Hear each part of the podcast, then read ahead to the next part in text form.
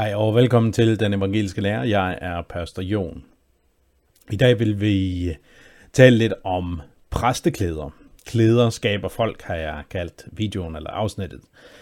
Øh, der vil være nogle billeder af, øh, hvordan min præstetragt ser ud, så hvis I ikke ser videoen, man bare hører det, så, så skal jeg bare vide, hvis I ser videoen, så ser jeg nogle billeder af, hvordan præstedragten ser ud. Men altså, Øh, jeg vil prøve at sige en lille smule om, hvorfor jeg bærer den dragt. Jeg bærer øh, en lille smule om historie, men måske mest af alt noget i praksis. Øh, den præstedragt, som de fleste danskere kender til, det er den såkaldte præstekjole. Øh, altså den sorte øh, kjole med, med pibekraven. Det her er en, øh, en borgerdragt, sådan så en borgerdragt ud, eller cirka sådan så en borgerdragt ud ved øh, reformationstiden og i renaissancen. Det var sådan, at, øh, at øh, på den her tid, der var det forholdsvis vanligt, at øh, præster havde særligt præstetøj, når de gik omkring i øh, den almindelige hverdag. Sådan havde alle mennesker forskellige slags tøj, og præsterne var deres egen helt særlige stand, og man kunne se den langvejs fra. Her har du en præst, der var et helligt menneske. Sådan skulle det ikke være blandt de lutherske, og derfor så skulle præsten bære almindelig borgerdragt, og det er sådan cirka sådan her, at den så ud. Øh, I starten var pibekraven ikke der, men, men det begyndte, øh, man begyndte at bruge sådan nogle par rykker, hvor der var en del puder på, og for at det skulle undgå, at det skulle falde ned på præstedragt, så havde man den her pibekrav. Det var vel en forklaring. En anden forklaring er, at pibekraven var sådan et lidt, hvad skal man sige, et slags modefænomen i renaissancen, som altså, ja, som hørte sammen med parrykken. Parrykken forsvandt, med pibekraven øh, blev holdt ved.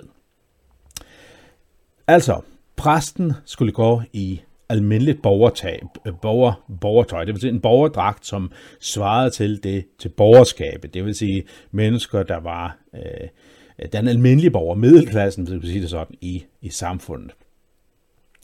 Øhm, ofte så, så ser man, øh, når man forklarer omkring den her øh, dragt, så siger man, sådan var det dengang, øh, at der var præsten bare klædt i helt almindeligt tøj, og øh, og han var helt på samme måde klædt som alle andre i samfundet. Det er altså ikke helt korrekt. For det første, han, jo, han bar en dragt, som andre også bar i, i samfundet, en dragt, som, som, øh, som vidnede om en særlig uddannelse, en særlig dannelse i samfundet, men det var altså ikke den her dragt, som var hans særlige kirkedragt. Altså i kirken brugte præsten stadigvæk præsteklæder, altså messeklæder. Når han forvaltede nadvåren, så var han iklædt messeklæder. En, en, en øh, messeskjorte eller alba, om du vil, og så en messehale. Han havde masse klæder på, når han stod for nadvåren. Så det var ikke sådan, at præstetøjet forsvandt ud af gudstjenesten, heller ikke på Luthers tid. Men det er rigtigt, at præsten fik en særlig embedsdragt at bære, når han gik ud i, i samfundet, ligesom alle andre gode borgere havde øh, dragter, som, som vidnede om øh, deres stand, hvor de var. Okay, men det her, det er altså den almindelige præsteuniform i den danske folkekirke. Øh, den består af den sorte øh, kjole eller kjortel, som, øh, som, øh, som øh, er den neutrale del, eller den, den neutrale dragt af øh, hos folkekirkepræsten med pibekraven, som er hørende til det her, altså den her dragt, pibekraven og kjortlen, er den almindelige uniform for folkekirkens præster. Men ud over præstekjolen er der mange, der bærer messeklæder. Det gør alle ikke, desværre, så den burde det være, men mange steder bruger man messeklæder ud over øh, præstekjolen. Det vil sige, når man står i formessen, så har man, altså i starten af gudstjenesten, så har man den hvide messeskjorte på, og måske med, med stolager, og så øh, under prædiken, så er man kun klædt det almindelige tøj, altså den almindelige præsteklædning, øh, uden messetøj, og så når man skal forvalte nadvånd, så tager man igen messeklæder på, og øh, er iklædt messehalen. Det vender vi tilbage til. Men altså, den sorte præstekjole, det er den almindelige øh, præstekjole i den danske folkekirke. Jeg bærer den ikke til, til gudstjeneste normalt i Ølgod Valmighed. Øh, det har jeg fået biskopens tilladelse til, at øh, jeg kan bære øh, selve messeskjorten, altså uden den sorte kjole, kun alban udover, som svarer til messeskjorten, som øh, findes i rigtig mange folkekirke, folkekirker ellers. Øh, men jeg bruger øh, den sorte præstekjole i forbindelse med øh, begravelser, der bruger jeg den altid. Øh, Øh, og så er der en søndag i, i året, eller prøv, en helligdag i året, hvor sort er den liturgiske farve. Øh, og det er langfredag. Langfredag er den eneste dag på kirkeåret, hvor sort er den liturgiske farve. Man har fem liturgiske farver. Øh, hvid, lilla, rød og grøn, og så altså den sorte. Så, så vidt den almindelige præsteuniform, som jeg bruger ved begravelser og langfredag, og også enkelte andre gudstjenester. Andre gudstjenester. Så har vi øh, præsteskjorten, som øh, som svarer lidt mere til en hverdagsdragt i dag hos præsten. Nogle præster går i den til hverdag, så man altid kan, kan se. Det er jo ikke fordi, at præsten skal ophøje sig selv, sådan som man kunne opfatte det i reformationstiden, men for at præsten skal ses af andre. Man kan se, der har vi præsten. En fin praksis, hvis du spørger mig, fordi så ved folk altid, hvor præsten er, og hey, der ham kan vi gå hen til. Nogle vil også gøre det, når de skal være særligt tydelige i gadebilledet, eller når de er på arbejde. Selvfølgelig kan man altid få fat i en præst, men præsten har også arbejdstider, og der øh, signalerer man tydeligt, at man er øh, til altså er, er, øh, er tilgængelig, og, øh, og man kan henvende sig til, til præsten sådan helt synligt, kan man se det. Jeg bruger præsteskjorten, øh, øh når jeg står for præstlige øh, handlinger, hvor jeg ikke har den sorte præstekjole eller den hvide kjole på.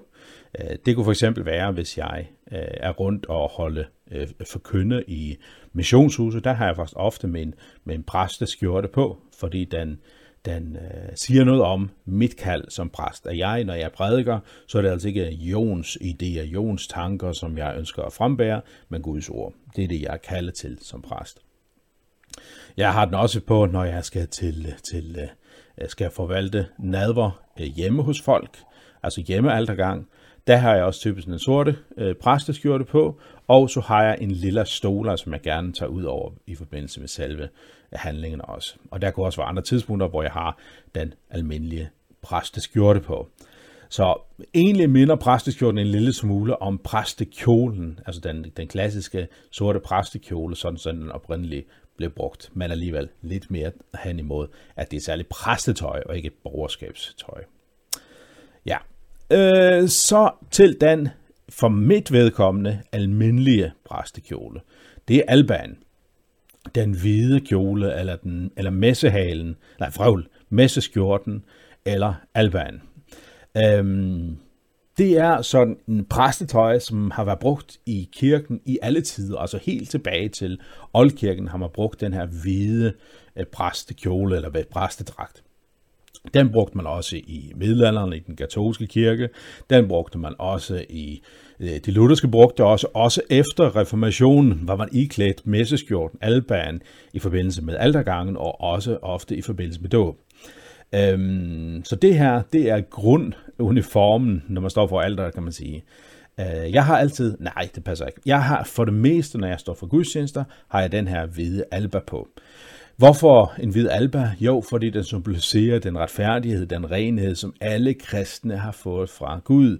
Og derfor, når jeg står overfor i kirken og vender mig mod alt og vender mig mod Gud, så står jeg som på vegne af kirken som ren og retfærdig. Ikke fordi, at jorden i sig selv er ren og retfærdig, men fordi hele Guds menighed er ren og retfærdig, når vi er døbt til at tilhøre Jesus og tror på ham. Så står vi rene og retfærdige og hvide foran Herrens trone. Derfor er præsten iklædt den her hvide farve, som skal symbolisere renhed. Ikke hans egen renhed, renhed, men den renhed, som alle kristne har fået ved troen.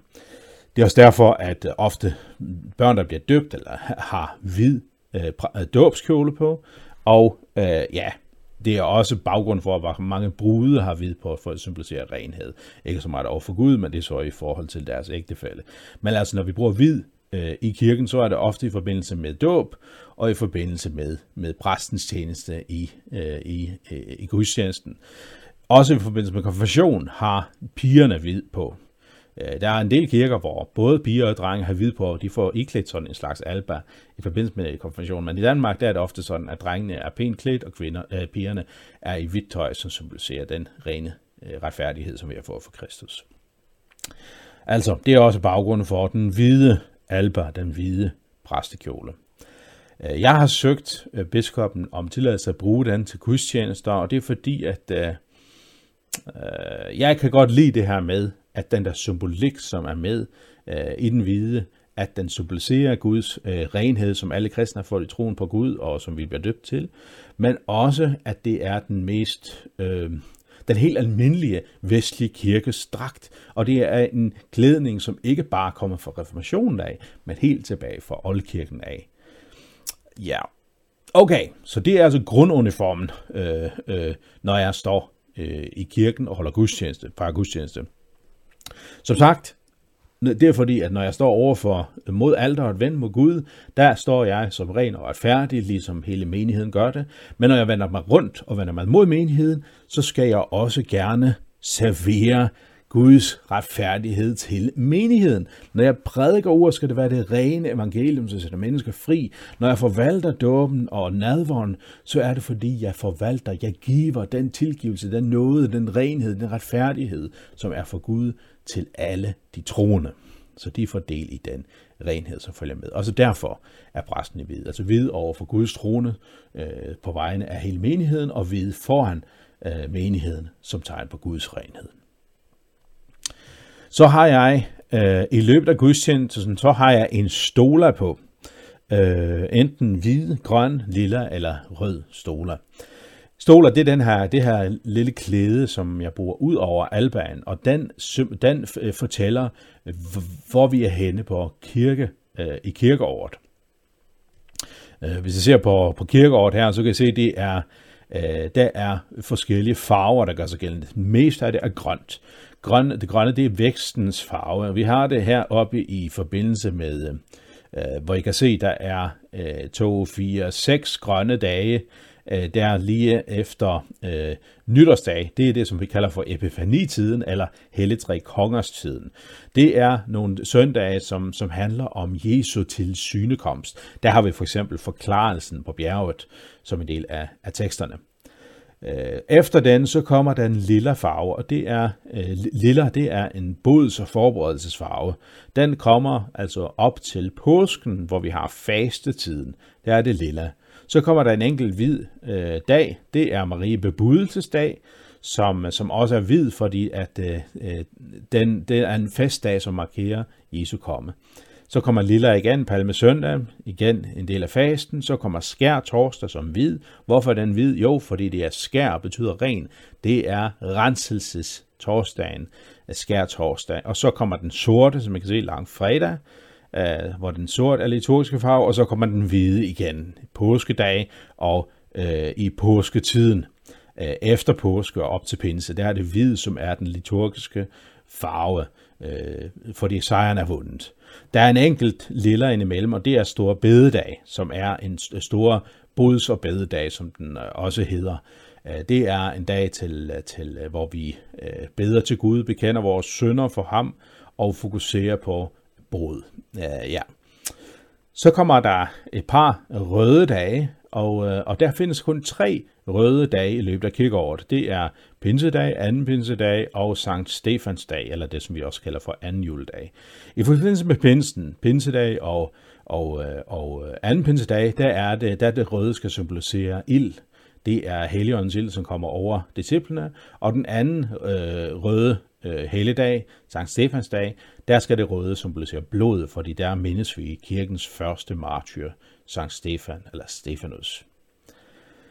Så kommer Trinitatis søndag efter pinse. Det er en, en dag, hvor vi særligt mindes treenigheden og fejrer treenigheden, fokuserer på treenigheden, og den er altså hvid, fordi det er den store festdag, der, hvor vi mindes treenigheden. Så kommer den lange, lange grønne tid, og det er Trinitatis-tiden. Nogle steder kalder man det også for den almindelige kristenliv, altså hvor, hvor fokus ikke er på Jesu fødsel, Jesu død, opstandelse, helligånd, men sådan mere det almindelige kristenliv.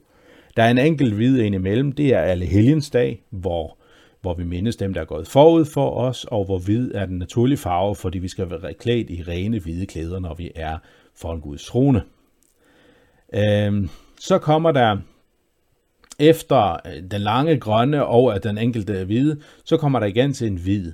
Det er lidt forskelligt, om man bruger hvid der eller lilla. Øh, den hvide øh, skal symbolisere, at nu begynder der et nyt år en nyt kirkeår. Det er ikke nytårsaften, men det første søndag i advent, som er kirkens nytår, den første dag i kirkeåret. Og derfor er der at mange vælger at have vide på, for at, øh, for at vise, at nu er det en stor fest, der et nyt år går i gang. Men der er også mange, der vælger at bruge den lille, ligesom man gør på anden søndag i advent, tredje søndag i advent, fjerde søndag i advent, fordi det er en bods- og forberedelsesfarve.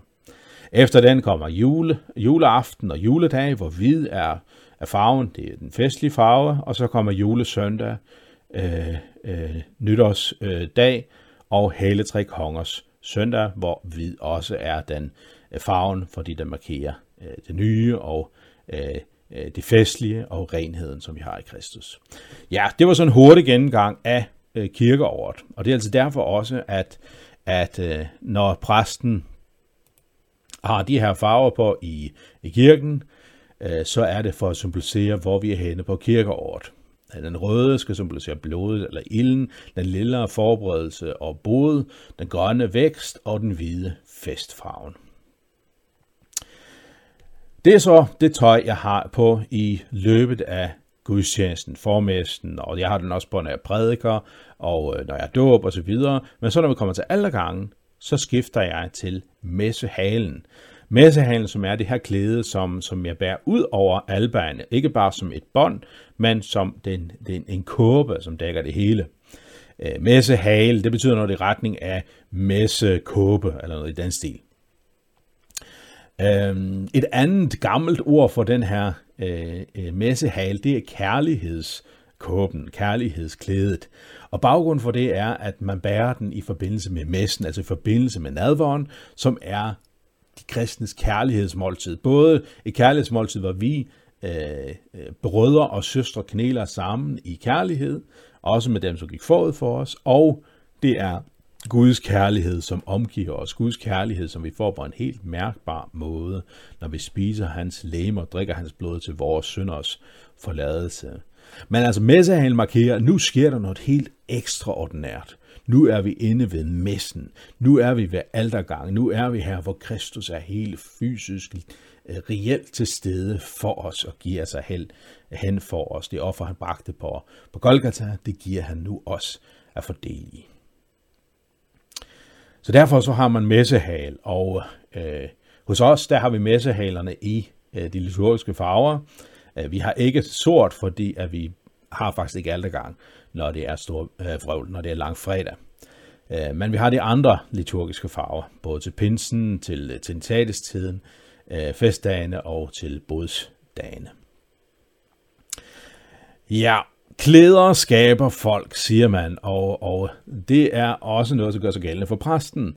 Når præsten bærer de her forskellige klæder, så er det for at vise, at han er præsten. Det er ikke for at ophøje ham, men det er netop for at vise, at her er der en, der har et særligt kald til at prædike ordet og forvalte sakramenterne. Derfor så bruger jeg ofte præsteskjort, også når jeg ikke har gudstjenest, men jeg er rundt og tale til, til andre øh, kristelige møder, så bærer jeg præsteskjorte, fordi det er mit kald som præst at prædike ordet, og det ønsker jeg at minde mig selv om, og det ønsker jeg så at minde tilhørende om, at de skal bedømme, hvad jeg siger på skriften. De kan ikke bare lytte til Jons interessante idéer, men de skal vurdere det, jeg siger på skriften. Er det Guds ord, som jeg prædiker, eller ej? Så bruger jeg, og jeg er rigtig glad for at bruge messeklæderne, alba og stolager og, og, og særligt messehalen, øh, for, både for, for, øh, for, fordi jeg synes, det er nogle smukke klæder, men mest af alt på grund af symbolikken, der gør, og også det, at det, det viser, at nu er vi et anderledes sted. Vi er ikke hverdag her nu, nej, vi er i et helligt rum. Altså det skal det symbolisere, at vi fokuserer på noget særligt helligt her. Og her kommer Kristus også på en særlig måde til stede i sakramenterne. Særligt i altergangen, som vi fejrer hver gang, eller næsten hver gang vi har, vi har gudstjeneste. Jeg håber, at øh, det her gav jer lidt at tænke over, og måske også styrkede øh, øh, jeres glæde ved gudstjenesten, og gav en vis forståelse og måske glæde for også, hvorfor præsten er klædt, som han er klædt. Tak for nu.